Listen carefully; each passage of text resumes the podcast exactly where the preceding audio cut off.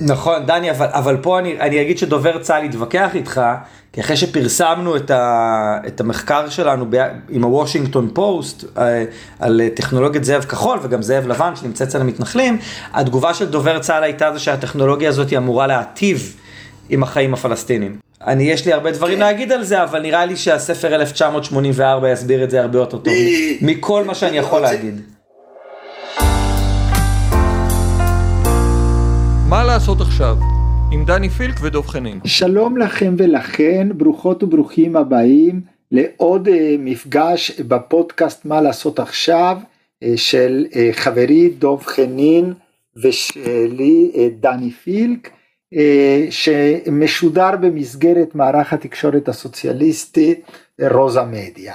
והפעם יש לנו אורח uh, שחשוב ואורח מיוחד, נדב ויימן, סמנכ"ל שוברים שתיקה, שבוע שעבר דיברנו על המתרחש בכפר וואלג'ה, והיום אנחנו נמשיך לעסוק בסוגיית, בסוגיות שקשורות לכיבוש, והפעם עם נדב, שלום נדב ותודה שאתה מתארח אצלנו.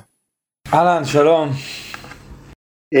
אז נדב, אחד הדברים שפולטים אה, בשנים האחרונות אה, בהקשר של החברה הישראלית זה אה, ההיעלמות הכמעט מוחלטת של הכיבוש בחיי היומיום אפילו הייתי אומר בתודעה של החברה הישראלית ואפילו הייתי אומר שעם הקמת הממשלה הנוכחית הנושא הזה אפילו אם שפעם היה נושא אה, שחילק בין מחנות, היום אפילו הוא כל כך שולי שמותר להרכיב ממשלה של מפלגות שהעמדה שלהן לגבי הכיבוש מאוד מאוד שונה ויכולים לשתף אה, פעולה אה, כאילו כלום.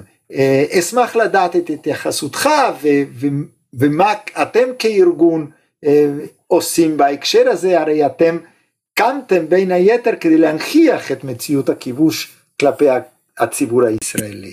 אז, אז ככה, אני, אני, אני מסכים שבשנים האחרונות הכיבוש באמת נעלם ככה לאט לאט מה, מהשיח הישראלי, אני חושב בגלל כמה סיבות, בראש ובראשונה הוא, הוא הרבה פחות אלים ממה שהוא היה אה, באינתיפאדה השנייה ו, אה, ואחריה, וכמובן גם אחרי ההתנתקות והיציאה מעזה.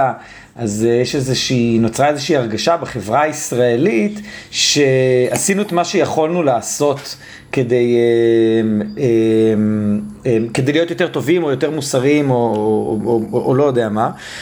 למעשה הכיבוש, obviously הוא פה, הוא איתנו וההתנחלויות גדלות ועוד פלסטינים נפגעים וגם עוד חיילים נהרגים ממנו, אבל אנחנו חווים אותו במרחבים, במרווחי זמן יותר גדולים.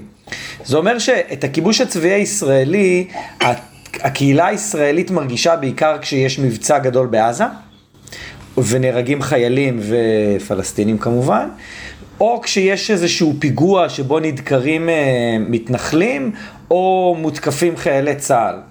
ואז בעצם האלימות, הקצה של האלימות גורם לכיבוש להיכנס לתוך מהדורת החדשות, לתוך השיחה במקומות העבודה, או, או, או לא יודע מה. המציאות למעשה היא שהכיבוש רק מעמיק. הרי הסטטוס קוו שהמון ישראלים חושבים שהכיבוש נמצא בו כרגע, זה למעשה העמקת הכיבוש אה, אה, אה, בהרחבת התנחלויות, בהשתלטות של אה, אה, מדינת ישראל על אה, עוד שטחים בהכרזות של אדמות מדינה, באלימות מתנחלים גוברת, וגם, וחשוב לציין, בהעמקה של אה, אה, פרקטיקות צבאיות כלפי הפלסטינים. אז אז אתה צודק ש, שאמרת שקמנו ב-2004, ארגון שוברים שתיקה, באמת כדי להנכיח את הכיבוש בחברה הישראלית וגם הבינלאומית דרך אגב, אמ, כי הרגשנו, כי החיילים שהקימו הרגישו שאנשים לא באמת מבינים מה זה אומר כיבוש, שהחברה הישראלית לא באמת מבינה מה זה אומר כיבוש צבאי. מדברים על מה אנחנו עושים כדי להגן על עצמנו. ו, ועכשיו אנחנו באמת נמצאים במצב שאני כבר עשר שנים חלק מהארגון הזה ועשר שנים עושה את ההרצאות ואת הסיורים ואת הכל. ואני ממש מרגיש שבשנים האחרונות אנחנו נכנסים למצב שבו ה, ה, רק עצם קיום השיחה על הכיבוש הופכת להיות ה... חזרה להיות המעשה הרדיקלי בהקשר של המאבק בכיבוש. רק להצליח להביא את השיח הזה אל המכינות הקדם צבאיות, אל תנועות הנוער, אל הקיבוצים, וגם במפלגות הפוליטיות, שזה החלק השני של שאלתך, זה, זה הפך להיות מעשה כל כך רדיקלי שעליו אנחנו, אנחנו ושאר הארגונים בעולם שלנו מותקפים עליו ומנסים למנוע מאיתנו לעשות את זה, ממש עצם קיום הדיון. וכאן אני, אני מתחבר ל, אה, לגילויים האחרונים שלנו מהעדויות שקיבלנו מחיילים על באמת שימוש בטכנולוגיות חדשות של צה"ל, שהופכות את כל הסיפור הזה של כיבוש גם לחיילים משהו הרבה יותר הרבה יותר פשוט, כי יש איזה אלגוריתם שעוזר לי, או איזה עמידה מרחוק. ולא ממש נגיעה פיזית בפלסטינים שעוזר לי לשלוט עליהם יותר טוב. אה, אולי ניגע בזה בהמשך, אבל אני רוצה לעבור לחלק השני של שאלתך, לקואליציה המעט מוזרה הזאת שיש לנו עכשיו, שיש אנשים שקוראים לה ממשלת השינוי. אז כן, דני, אתה צודק, היא באמת עשתה את השיחה על הכיבוש לקצת יותר מסובכת. כי הרבה אנשים מבינים שיש כיבוש, ו... ו... או שיש משהו להיאבק בו, שיש דברים לא טובים שמדינת ישראל עושה, כשביבי נתניהו והשרים אה, שסביבו אה, עמדו וזיהמו אה, כל במה ממלכתית כפי שישראלים תפסו אותה. ופתאום שיש לנו ממשלה ש... שרוב שריה כביכול שקולים ואולי אפילו מהמחנה הפוליטי שלנו, אז הרבה יותר קשה פתאום להתנגד, כי אומרים לי, רגע נדב, סוף סוף הגענו לשלטון, אתה עכשיו תוקע מקלות בגלגלים, אתה עכשיו אה, זה, אבל, אבל, אה, אבל בר לב וגנץ, אה, שעל, שלפתחה מגיעה האחריות של מה שקורה עכשיו, לדוגמה עם האלימות המתנחלים הגואה בשטחים, לא באמת, לא, לא באמת מצליחים ל, לעשות על משהו אל מול זה. ו... והביקורת בתוך, ה... אה, בתוך המחנה הפוליטי שלנו על ארגונים כמו שוברים שתיקה מתגברת. כי הנה רגע, אנחנו, שוב, אנחנו עכשיו בשלטון, הנה יש לנו דרך להגיע לגנץ אולי ולבר לב אולי, אז, אז אולי עצם זה שאנחנו מבקרים אותם בשלטי חוצות בכניסה לירושלים או בכניסה לתל אביב, למעשה פוגעת במאבק כנגד הכיבוש. אה, שזה דרך אגב מצריך מאיתנו, מארגוני החברה האזרחית, אה, הרבה יותר אה, עבודת שטח, הרבה הרבה הרבה יותר מגע עם, עם אנשים באופן בלתי אמצעי. אבל, אבל נדב, גנץ, זאת אומרת, הנימוק הזה שלבקר את הממשלה פוגעת במאבק נגד הכיבוש, הוא נימוק תמוה. לא רק בגלל שבממשלה הזאת נמצאים אנשים שהיו אה, או בקצה הימני של הליכוד בהקשר של כיבוש והתנחלויות כמו גדעון סער או אנשים שהיו ימינה, שעדיין ימינה מהליכוד אה, כמו אה, בנט ושקד, אבל גם בגלל שהממשלה הזאת נוקטת בצעדים שלא נקטו קודם, למשל הכרזה של, החלטה של גנץ להכריז על כמה ארגוני זכויות אדם פלסטינים או ארגוני חברה אזרחית פלסטינים כארגוני טרור, ארגונים שלהם היסטוריה של שיתוף פעולה עם החברה האזרחית הישראלית המתנגדת לכיבוש, אז אה, זה צעד שלא היה קודם, זאת אומרת אה, הטענה אה, שלא צריך לעשות רעש כי, כי אנחנו מפריעים פעילות פוליטית שיכולה להפסיק את הכיבוש זה סוג של אה, לזרוע לעצמנו חול בעיניים, נכון? האמת שאני אני מסכים איתך לגמרי, אני חושב שיש פה, א' יש פה חוסר הבנה של איך המשחק הפוליטי עובד. גם כשאנחנו חלק מהקואליציה, אנחנו צריכים להמשיך לאתגר את, ה, את הדעות, את הכיוונים, את הקמפיינים שהמפלגות ש, שמבטאות את, ה, אה, את רצון הבוחר מהצד שלנו אה, צריכות לעשות. אה, זה דבר אחד. ודבר שני, שזה מה שאמרתי מקודם, שהכיבוש הוא אף פעם לא סטטי. הוא ממש ממש ממש ממש לא סטטי. וגם, כשאני מתייחס לכיבוש, אני מתייחס לכל, ה, לכל השחקנים שמקדמים אותו, שזה לבטח לא רק משרד הביטחון ותנועת ההתנחלות וממשלות ישראל לדורותיהם. מדובר פה גם על מחנה ימין מאוד גדול, שלא ארגוני חברה אזרחית. שהדוגמה של גנץ אה, היא דוגמה מעניינת. הרי ארגון NGO מוניטור, שבעצם תוקף מימון של ארגוני זכויות אדם ישראלים ופלסטינים גם פה, אבל גם, ב, אבל גם מעבר לים, כתב דוח שמאוד מזכיר את ההכרזה של גנץ, אה, לא עכשיו, לפני אה, כמה שנים, שבעצם מחבר את כל הארגונים האלה לחזית העממית הפלסטינית, שמדינת ישראל רואה אותה כארגון טרור, ולכן הנגזרת של זה שכולם ארגוני טרור. והמהלך של גנץ היה באמת מאוד בוטה.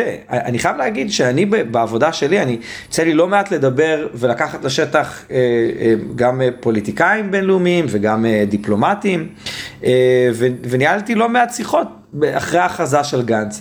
ואני חושב שקרה שם משהו מדהים, כי ששת הארגונים, ארגוני החברה האזרחית הפלסטינים שהוכרזו כארגוני טרור, אז אה, הם ממומנים על ידי מדינות אירופאיות. המדינות האירופאיות קיבלו כבר אה, לפני שנה אה, את הדוסייה הזה מהשב"כ עם כל הראיות ללמה הם ארגוני טרור, עשו בדיקה משל עצמם והבינו שאין, שאין דברים בגו, ולכן הם ממשיכים לממן את הארגונים האלה. ואז פתאום גנץ יוצא בהכרזה שלו ביום שישי אחר הצהריים כמעט, שאפילו קצת קשה להגיב אליה, ואז פתאום גם האמריקאים קצת מבוהלים מהסיפור הזה, נכון, נשלח נציג שב"כ לארה"ב להסביר לסטייט דיפרטמנט למה עם למעשה אותם ראיות שהוגשו שנה קודם לכן, לכן לאירופאים, שהבינו שאין שם, שם יותר מדי, ש, שזה גם מסתמך על, על למעשה שתי חקירות של רואי חשבון פלסטינים שחתכו את המשפטים שלהם באמצע כדי שיתאימו לנרטיב של הדוח. וזה מעשה, זה מעשה שלא ראינו אותו קורה קודם. אה, בממשלת בנימין נתניהו האחרונה, או זאת שלפניה, או זאת שלפניה, או זאת שלפניה. לכן, כמו שאמרתי, הכיבוש הוא, הוא, הוא מעמיק, ו, ופה, אני, ופה אני פונה בקריאה למחנה הפוליטי שלנו, ואני אומר, חבר'ה, אנחנו צריכים, כמו כל דבר בעולם, להסתכל על העובדות באשר הן, ולא להתעלות באיזה אינטרס זמני שיש לנו, שהנה אנחנו חלק מקואליציה ולכן צריך לסתום את הפה, או לכן צריך לעשות 4, 5, 6 ולא 1, 2, 3, לא יודע, כל יום מחדש תצאים לי משהו אחר. ו, וההכרזה של גנץ רק מראה לנו כמה המחנה שכנגדנו עובד ועובד באופן עמוק כדי להביא את השאיפות הפוליטיות שלהם למימוש במציאות. אה, זה מחזיר אותי למה שהתחלת לומר קודם, אה, שאני מתנצל, הפסקתי אותך על מה צריך לעשות היום, יותר מפגשים, יותר, הייתי שמח שתרחיב אה, בנקודה הזאת. איך אתה רואה, איך אתם רואים את הניהול של המאבק נגד הכיבוש כיום. זהו, אז, אז, אז דבר ראשון, אני, אני אגיד שאנחנו, תיאוריית השינוי שלנו היא די פשוטה, אנחנו חושבים שכמה שיותר ישראלים צריכים להכיר ולהבין מהו הכיבוש הצבאי הישראלי, כדי להתנגד אליו ממקום מוסרי אה, ערכי, כי הרי כל מי שגדל על אותו סולם ערכים שאני גדלתי אה, במדינת ישראל, ברגע שהוא יבין מהו באמת הכיבוש הצבאי הישראלי, מהו המנגנון, ההיגיון המסדר שלו, פשוט חייב להתנגד אליו, כי אם, אם אני מאמין בדמוקרטיה, אני לא יכול לתמוך במשטר צבאי דיקטטורי. עכשיו, התפיסה שלנו היא שככל שיותר ישראלים יתנגדו, גם החברות שלנו מסביב, המדינות החברות מסביב לעולם יעזרו לנו יותר ויותר אה, אה, להיאבק בכיבוש הזה, וכחוד החנית זה באמת הקהילות היהודיות מעבר לים, שאנחנו עובדים איתם לא מעט. אבל לשאלתך, מה, מה עושים עכשיו? אז אני חושב שיש פה שני מישורים. יש ממש את המישור של השטח. אנחנו צריכים להיות כמה שיותר בשטח, גם להגיע ל...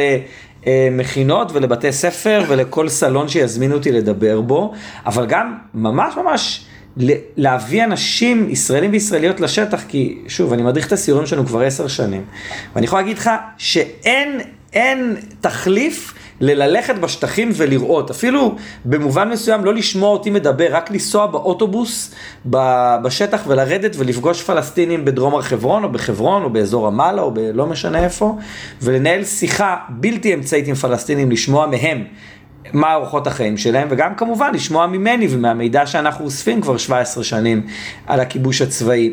כי יש, יש את הרגע הזה שאני ממש יכול לשים את האצבע עליו בסיור אצל אנשים, שאתה רואה את ה... את ה איך המגננות של אנחנו חייבים לעשות את זה, זה הרע במיעוטו. אה, זה, זה הכל ביטחון וכל המנטרות שאנחנו אומרים לעצמנו כל החיים, איך הן מתחלפות ב... רגע, רגע, רגע, אני רוצה שנייה להסתכל על המציאות ולהבין אותה, ויש כאן כאב מאוד גדול של חיילים שנאלצים לשרת פה ושל פלסטינים שאוכלים את הדבר הזה על הראש שלהם. אז זה דבר אחד. ואני חושב שעוד משהו שאנחנו, הארגונים שלנו עושים בשנים האחרונות ביתר שאת, זה לחזור לזירה הפרלמנטרית. אני חייב לציין שאנחנו הפקרנו את הזירה הפרלמנטרית המון שנים והותרנו אותה בידי ארגוני הימין. אה, ברמה של להגיע לדיונים בכנסת וברמה של אה, אה, לקיים קשרים רציפים עם חברי כנסת ויועצים פרלמנטריים ולהעביר להם מידע ולערוך כנסים בכנסת, להשתמש בבמה הציבורית הזאת. לא, לא, לא רק כזירת התנגחות עם, עם איזשהו, עם הימין הקיצוני הכהניסטי בדמות איתמר בן גביר, זה לא, זה לא העניין. העניין הוא להביא לכמה שיותר מקבלי החלטות את העובדות אל מול הפנים ולא לא את כל ה, המידע המעובד שמגיע אליהם דרך ארגוני הימין שעובדים מאוד מאוד מאוד אה, טוב מבחינתם בכנסת, וגם כמובן לנצל את הבמה הציבורית הכי חשובה בישראל, שכמו לכל אזרח ואזרחית אחרים, אה, מותר להגיע ולדבר שם, וגם לנו מותר להגיע ולדבר שם.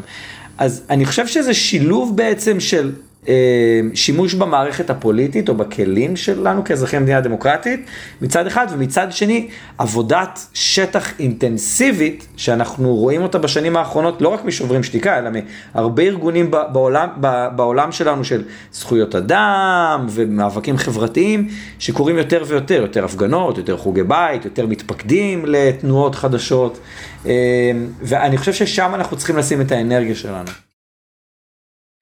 אה, תודה. אני רוצה עכשיו אה, לחזור, אמרת שתיאוריית השינוי שלכם אה, יחסית פשוטה ומבוססת על כך שככל שיותר ישראלים וישראליות יתוודו למציאות של הכיבוש אז יתנגדו לכיבוש מעמדה מוסרית וזה יתווסף לשיתוף פעולה עם אה, שותפים, אה, אה, הייתי שותפים ערכיים, אני מניח, בחוץ לארץ שיוכלו גם להשמיע קול ככל שיש יותר ישראלים וישראליות שמשמיעים קול כאן אצלנו. אבל אני שואל אותך, האם מספיק עם הגינוי המוסרי, או האם לא חשוב גם לנסות להראות עד כמה אה, הכיבוש מעבר ללהיות אסון בשביל הפלסטינים שחיים תחת כיבוש הוא גם אה, מנוגד לאינטרסים של חלקים מאוד רחבים של החברה הישראלית.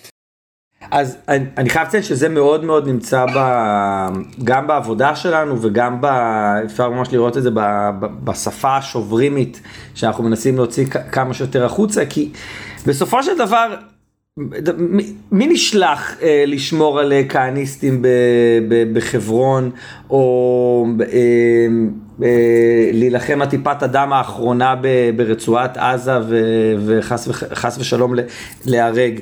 זה לא כלל החברה הישראלית, נכון? זה חלקים מאוד מאוד מסוימים מהחברה הישראלית, אה, אבל הפגיעה היא פגיעה בכלל החברה הישראלית מכמה בחינות, כאילו, בראש ובראשונה זה כמובן חיי אדם, אבל מעבר לזה יש את ההשקעה המשוגעת לגמרי בכסף ובאמצעים.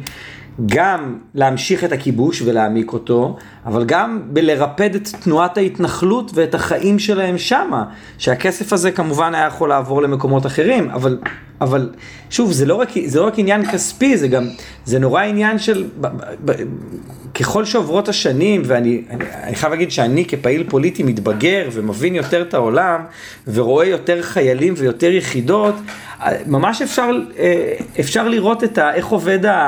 החלוקה הצה"לית של קאבה ודפ"ר, אה, בעצם המספור שמדינת ישראל נותנת לך כחייל, ועל פי המספור הזה שולחת אותך ליחידות אה, ספציפיות. שבעצם אה, מבטלת את כל המין אה, מיתוס שיש בצה"ל הוא כלי למוביליות חברתית, למרות שהוא למעשה, הייתי אומר, כלא של אה, מעמד סוציו-אקונומי. אז אפשר גם לראות מי נפגעים מזה יותר, ומי נשלחים לבצע את המשימות הכי מלוכלכות של הכיבוש, ולאיפה אנחנו מנתבים את האלימות הזאת, לאיזה חלקים בחברה הישראלית אנחנו מנתבים את האלימות הזאת, שבסופו של דבר גם חוזרת אלינו פנימה, כן?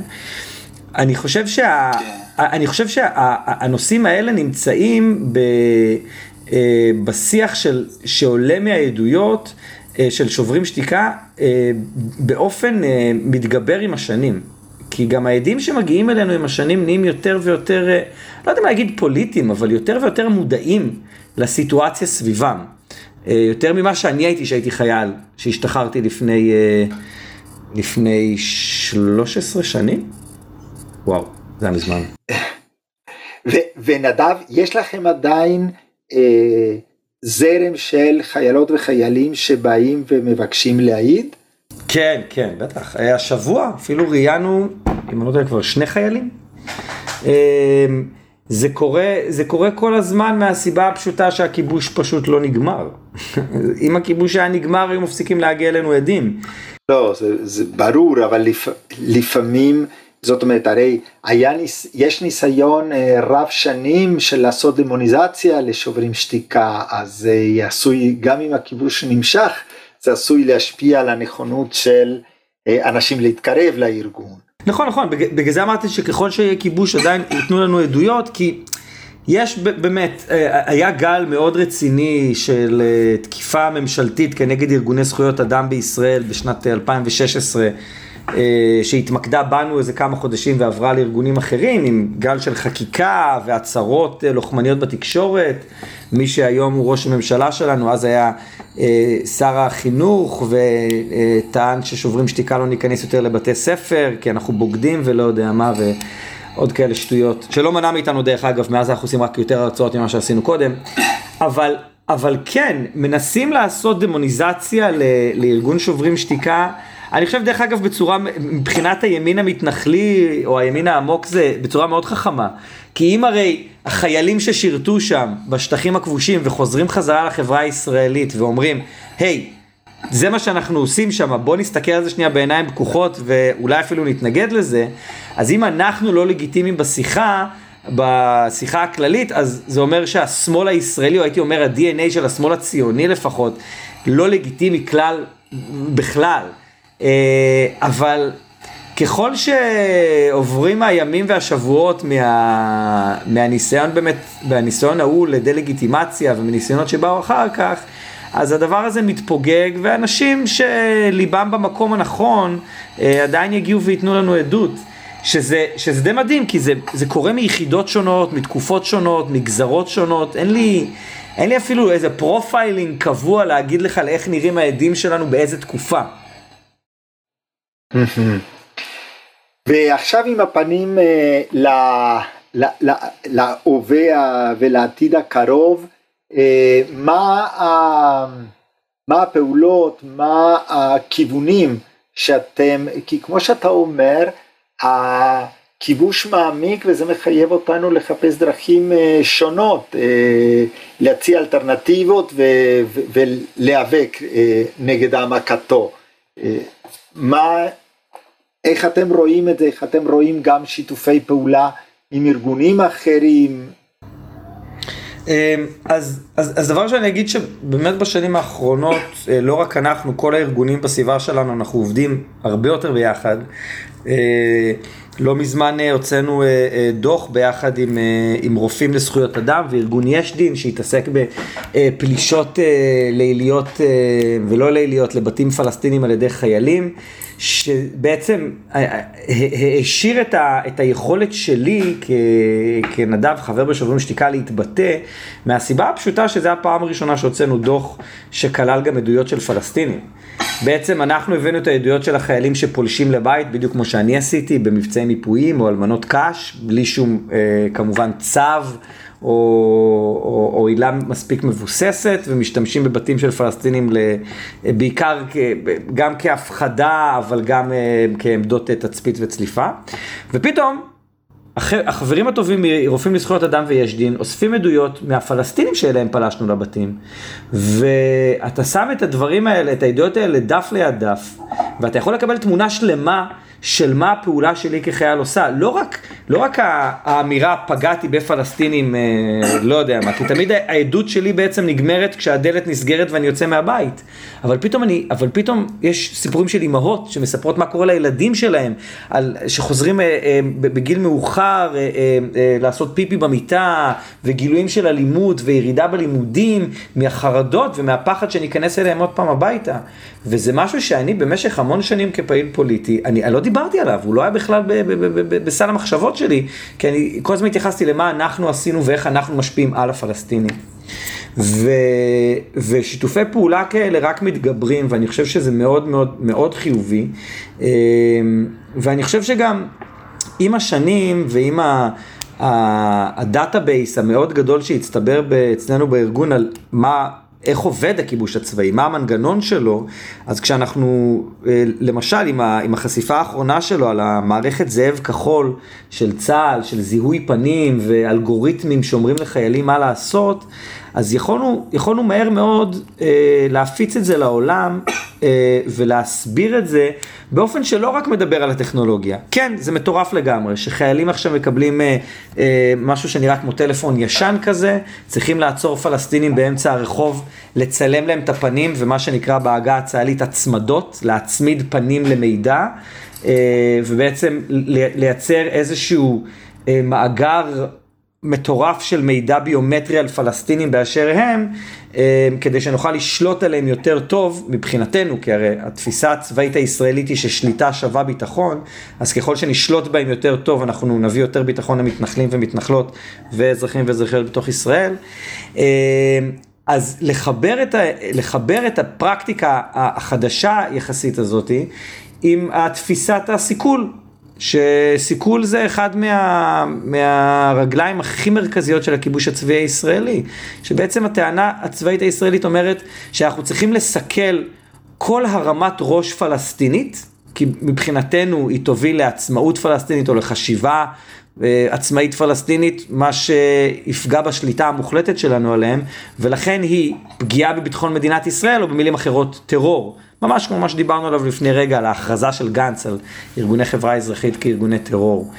וה, והסיכול הזה, או הסיכול הממוקד, מה שהישראלים זוכרים מימי אינתיפאדה השנייה, הוא משהו שמצלצל מאוד חיובי לישראלים וישראליות, שזה בעצם מניעת אה, פעילות חבלנית עוינת והגנה עלינו. אבל למעשה היא מדברת על רוב מה שצה"ל עושה בשטחים, כפעולות אה, ההתקפיות, לא הגנתיות שמגנות, אלא פעולה התקפית של סיכול, אה, מה שאנחנו קוראים לו סיכול טרור. אז גם לצלם פלסטינים, צלם את הפרצוף באמצע הרחוב, אה, כשלפי מה שהעדים מספרים, חלקם אפילו מתנגדים, נחשבת כסיכול טרור עתידי. אז אני חושב שהיכולת לחבר בין uh, ממצא שעולה עכשיו מהשטח להבנה עמוקה שלנו על הכיבוש, הוא משהו הכרחי כדי להצליח לחנך לפחות את המחנה הפוליטי שלנו, על למה הכיבוש, לאיזה כיוונים הכיבוש מתקדם, וכמה הוא נהיה יותר טכנולוגי ויותר uh, גם בר קיימא ומסוכן uh, במובן הזה. וגם לזכור שבסופו של דבר הרבה מאוד מה... מהפרקטיקות של הכיבוש הצבאי הישראלי, הן מדממות חזרה לתוך ישראל. אה, אנחנו ראינו את זה באופן מאוד ברור עכשיו בשומר חומות, אבל גם ראינו את זה ב... לפני די הרבה שנים, בהפגנות נגד תוכנית פראוור בדרום, אה, איך אה, עצרנו במעצר מנהלי אזרחים בדואים תושבי ישראל, וראינו את זה, לא יודע, עם הבואשים בשנים האחרונות שמופעלים על יוצאי אתיופיה חרדים, ועכשיו גם בהפגנות בלפור. אז אנחנו יודעים שהטכנולוגיות האלה יגיעו גם בסופו של דבר אלינו. לכן דני פה אני שמח מאוד על הדיון שיש כרגע בישראל על איכוני השב"כ בהקשר של הקורונה, כי אני חושב שיש לנו פה הזדמנות טובה לדבר עם החברה הישראלית על מה אנחנו עושים לפלסטינים בכלל מבלי לשאול אותם. אוספים עליהם מידע ביומטרי כמעט חסר גבולות. אה, אז אני חושב שההסתכלות קדימה לעתיד... כן, ולהבדיל, ולהבדיל מ... זאת אומרת אפשר להתווכח ואני בין אלה שמתנגד אה, לאיכוני השב"כ, אבל באיכוני השב"כ אתה יכול להגיד שיש אה, אה, שאנשים שעליהם אה, עוקבים זה אנשים שעליהם גם כביכול מבקשים להגן ממגפה. במקרה של הפלסטינים זה לא ככה, במקרה של הפלסטינים הם תחת פיקוח לא כדי להגן עליהם, עליהם אלא כדי להגן על מי שכובש אותם. אז, אז זו תמונה שונה במובן הזה. נכון, דני, אבל, אבל פה אני, אני אגיד שדובר צה"ל יתווכח איתך, כי אחרי שפרסמנו את, ה, את המחקר שלנו ב, עם הוושינגטון פוסט אה, על טכנולוגיית זאב כחול וגם זאב לבן שנמצא אצל המתנחלים, התגובה של דובר צה"ל הייתה זה שהטכנולוגיה הזאת אמורה להטיב עם החיים הפלסטינים. בעצם היא תעשה טוב לפלסטינים. שזה... אני, יש לי הרבה דברים כן. להגיד על זה, אבל נראה לי שהספר 1984 יסביר את זה הרבה יותר טוב מכל מה שאני יכול הוצא, להגיד. הוצאת לי את המילים מהפה, טוב זה רע ורע ומכוער זה יפה, כן, 1984, ובאמת המציאות של הכיבוש מובילה לחברה כזאת, וכמו שאמרת, אה, הגבול של הקו הירוק הוא חדיר. לגבי התופעות ש, אה, שמתרחשות שמה ושמענו גם את הקריאות אה, להשתמש בשב"כ כדי להתמודד באלימות בקרב האזרחים הערבים ב, בישראל. אני, אני, חושב, אז... אני חושב שכל הסיפור הזה הוא, הוא די מדהים כי הרי בגל האחרון של הקורונה או בסגר האחרון, כל כך הרבה אנשים גילו שהאיכונים של השב"כ היו כל כך לא מדויקים. ולמעשה אפילו בג"ץ, בג"ץ אפילו מנע את השימוש בטכנולוגיה, בטכנולוגיה הזאת שוב פעם, והיה פרסום די מטורף על המאגר, בא עכשיו השם, איך קוראים למאגר הסודי הזה של כל המידע, המטה דאטה הזה שאוספים עלינו כל הזמן. ועם זאת, הדיון הזה, פה הקו הירוק נהיה נורא קשיח. הדיון הזה נעצר בקו הירוק. על פלסטינים לא התקיים דיון, האם אנחנו, האם אנחנו מסכימים עם זה שאנחנו פתאום העמדנו את עצמנו בשורה אחת עם סין, והאיסוף מידע ושימוש בטכנולוגיית זיהוי פנים חודרנית, דרך אגב, כמו שקורית בחברון, בפרויקט שנקרא חברון עיר חכמה, עם מצלמות שחודרות דרך חלונות לפלסטינים הביתה לצלם להם את הפנים.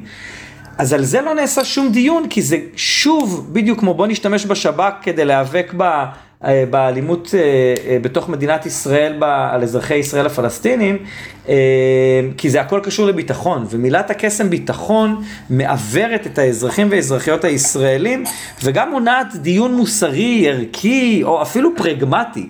במה זה אומר שימוש בטכנולוגיות האלה ובגוף שהוא בהגדרתו גוף חשאי וסודי כמו השב"כ, שהוא למעשה משטרה חשאית, כן? אה, אל תוך החיים שלנו. וההתקבלות הזאת היא בכזו קלות דעת, היא מתחברת לביטחון. כי כששומעים את המילה ביטחון, אני כאזרח ישראלי, אני מצדיע. וגם כי הכיבוש הממושך אה, גם מאיץ וגם מתאפשר על ידי הדה-הומניזציה של הפלסטינים. זאת אומרת, אה, בגלל שיש דה-הומניזציה, אה, מותר לעשות דברים שלא היינו מקבלים שייעשו אה, אצלנו נגיד. בהחלט, את זה, את זה אנחנו באמת יכולים להרגיש מאוד אה, בכל חוברת עדויות שלנו שאתה פותח, אתה יכול ממש לראות את זה אצל העדים שלנו. אני, אני ממש זוכרת, כש, כשראיינו אותי לשוברים שלי, לקחו לי את הרעיון, אז, את העדות, אז, אז מראיין אמר לי, נדב, עשית, היית בצוות צלפים, נכנסת להמון אלמנות קש, שזה בעצם הפיכה של בית פלסטיני לעמדת אה, צלפים. אתה בטח זוכר המון פרצופים של פלסטינים שפלשת להם הביתה באמצע הלילה. אמרתי לו, לא, אני לא זוכר. כי, כי מבחינתי הם היו איזשהו... אה, זה מין ישות, זה, זה כזה, הם, הם לא אינדיבידואלים, הם אויב. אה, ו, ואת זה אנחנו ממש ממש יכולים להרגיש בכל מה שקורה בהקשר של עזה. בגלל שאנשים בישראל לא יודעים איך עזה נראית מבפנים. אין לנו visuals של עזה אה, חיה, יש לנו, יש לנו visuals בתקשורת הישראלית של עזה מופצצת, או של טילים נורים מתוך עזה, או טרור יוצא מתוך עזה, או הפגנות המוניות על הגדר. ואז כשיש מבצע ברצועת עזה, אנחנו פתאום רואים את, ה, את הסטיקרים על מכוניות ישראליות, אה, חיי חיילינו חשובים מאזרחי האויב, או כל מיני, חיי חיילינו קודמים, או, או כל מיני אה, אמירות שהן... אה, עזוב שהן מנוגדות לדין הבינלאומי ולדיני המלחמה הבינלאומיים, אני חושב שהן מנוגדות גם למוסר היהודי, שאם אם, אם, אם, אם אני מבין אותו נכון, או בכלל, אני חושב אולי למוסר, אפשר להתווכח אם כן המוסר אבסולוטי, כן? אבל הן מתנגדות לכל התפיסה הזאת שכן, יש חמושים בשני הצדדים שצריכים לירות ולהרוג אחד את השני במאבק מזוין, בסדר, אבל אזרחים הם מחוץ לתמונה. ואז uh, אתה רואה את הדיון בחברה הישראלית, uh, למשל על בנק המטרות של צה"ל בעזה, או על הפצצות מהאוויר, או שימוש אפילו בארטילריה שהיא נשק, נשק סטטיסטי בהגדרתה, בירי בתוך רצועת עזה. והדיון הזה הוא, הוא, הוא, הוא, הוא בוא נשתמש ביותר כוח. נכון? ממבצע למבצע ברצועת עזה אנחנו צריכים לראות יותר וגם להרוג יותר פלסטינים, אה, אבל הדיון הזה שצריך להיעשות על האם זה בסדר שאנחנו שולחים את הנערים והנערות שלנו בני 18, 19, 20 לירות בנשקים לא מדויקים סטטיסטיים לתוך ריכוזי אוכלוסייה, הוא בכלל הגיוני בתפיסות ה... בתפיסה של ישראל את עצמה כמדינת חוק או כדמוקרטיה או כשערך זכויות האדם אמור להיות גבוה פה. אה, הוא לא מתנהל, שוב, בגלל המילה ביטחון. כדי להביא ביטחון לעוטף עזה או מרכז הארץ בזמן ירי טילים מעזה, אנחנו מוכנים לעשות כמעט הכל. דברים שלא היינו מעלים בדעתנו לעשות פה בתוך תחומי הקו הירוק. אה, כן, אתה צודק לחלוטין. אה, והשאלה האחרונה שוב אני חוזר התחלת להגיד הייתי רוצה כי אנחנו כבר מגיעים לקראת סיום מה מה כרגע, איפה אתם שמים את הדגש בהמשך המאבק נגד הכיבוש מבחינתכם? אז, אז, אז כמו שאמרתי, אנחנו ממשיכים עם uh, עבודת, השט, אנחנו אוספים עדויות ונפגשים עם uh, ישראלים וישראליות ובינלאומיים שמוכנים uh, לשמוע על הכיבוש. אנחנו עורכים כמעט 700 אירועים חינוכיים בשנה, נפגשים עם 12 אלף איש, uh, וכמובן ברשתות הרבה יותר, אבל אני יכול להגיד שבשנים, האח... בתקופה האחרונה אנחנו, יש לנו כמה פרויקטים של uh, חינוך uh, עומק, יותר הייתי אומר.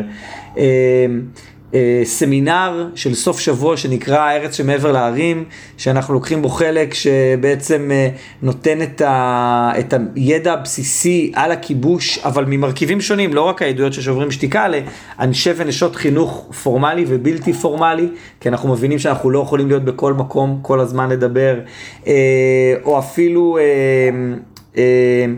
אה, מדרשה לחבר'ה שסיימו שירות צבאי ורוצים לקחת כמה חודשים להעמיק. ההבנה שלנו היא שאני חושב שמפגשים של אה, כמה שעות של סיור בשטח או הרצאה, הם רק ממש לגרד את השטח ולגרום לאנשים להבין את המציאות, אבל אם אנחנו רוצים לצייד אנשים בכלים, אנחנו צריכים לעשות תהליך חינוכי הרבה הרבה יותר עמוק. אז זה משהו שאנחנו מתעסקים בו לא מעט בשנים האחרונות. שוב, לצד העבודה עם, אה, עם, עם קהלים נרחבים אה, בחברה הישראלית, שאני אה, חושב שביניהם משהו שבכלל המחנה הפוליטי שלנו הבין אותו יותר ויותר, שזה פלסטינים, אזרחים, פלסטינים אזרחי ישראל בגבולות 48, שאנחנו מנסים לעבוד יותר ויותר שמה על אף הקושי המובנה בהיותנו חיילים קרביים ששירתו, ב... חיילים וחיילות קרביים ששירתו בשטחים, אני חושב שה... השיח שם הוא, הוא, מבחינתי אני יכול להגיד שהוא הוא אחד הדברים היותר אה, מעניינים וגם מקדמים פוליטית שקרו לי בשנים האחרונות, אה, לקבל ביקורת שהיא מאוד בונה כלפי העבודה שלנו. ושוב, הכניסה לזירה הפרלמנטרית. כמה שיותר. בשבועיים האחרונים השתתפנו בשני כנסים בכנסת, גם על מעצרי ילדים, אבל גם על אלימות מתנחלים, ביחד עם חברי כנסת מהמשותפת, ממרץ ומעבודה. אוקיי נדב, תודה, תודה רבה שהתארחת אצלנו ובהצלחה בהמשך המאבק שהוא מאבק משותף של כולנו. תודה רבה. תודה רבה דני. ותודה לכם ולכן שהקשבתם לנו פרק אה, נוסף בפודקאסט מה לעשות עכשיו של דב חנין ודני פילק. נתראה בשבוע הבא. מה לעשות עכשיו עם דני פילק ודב חנין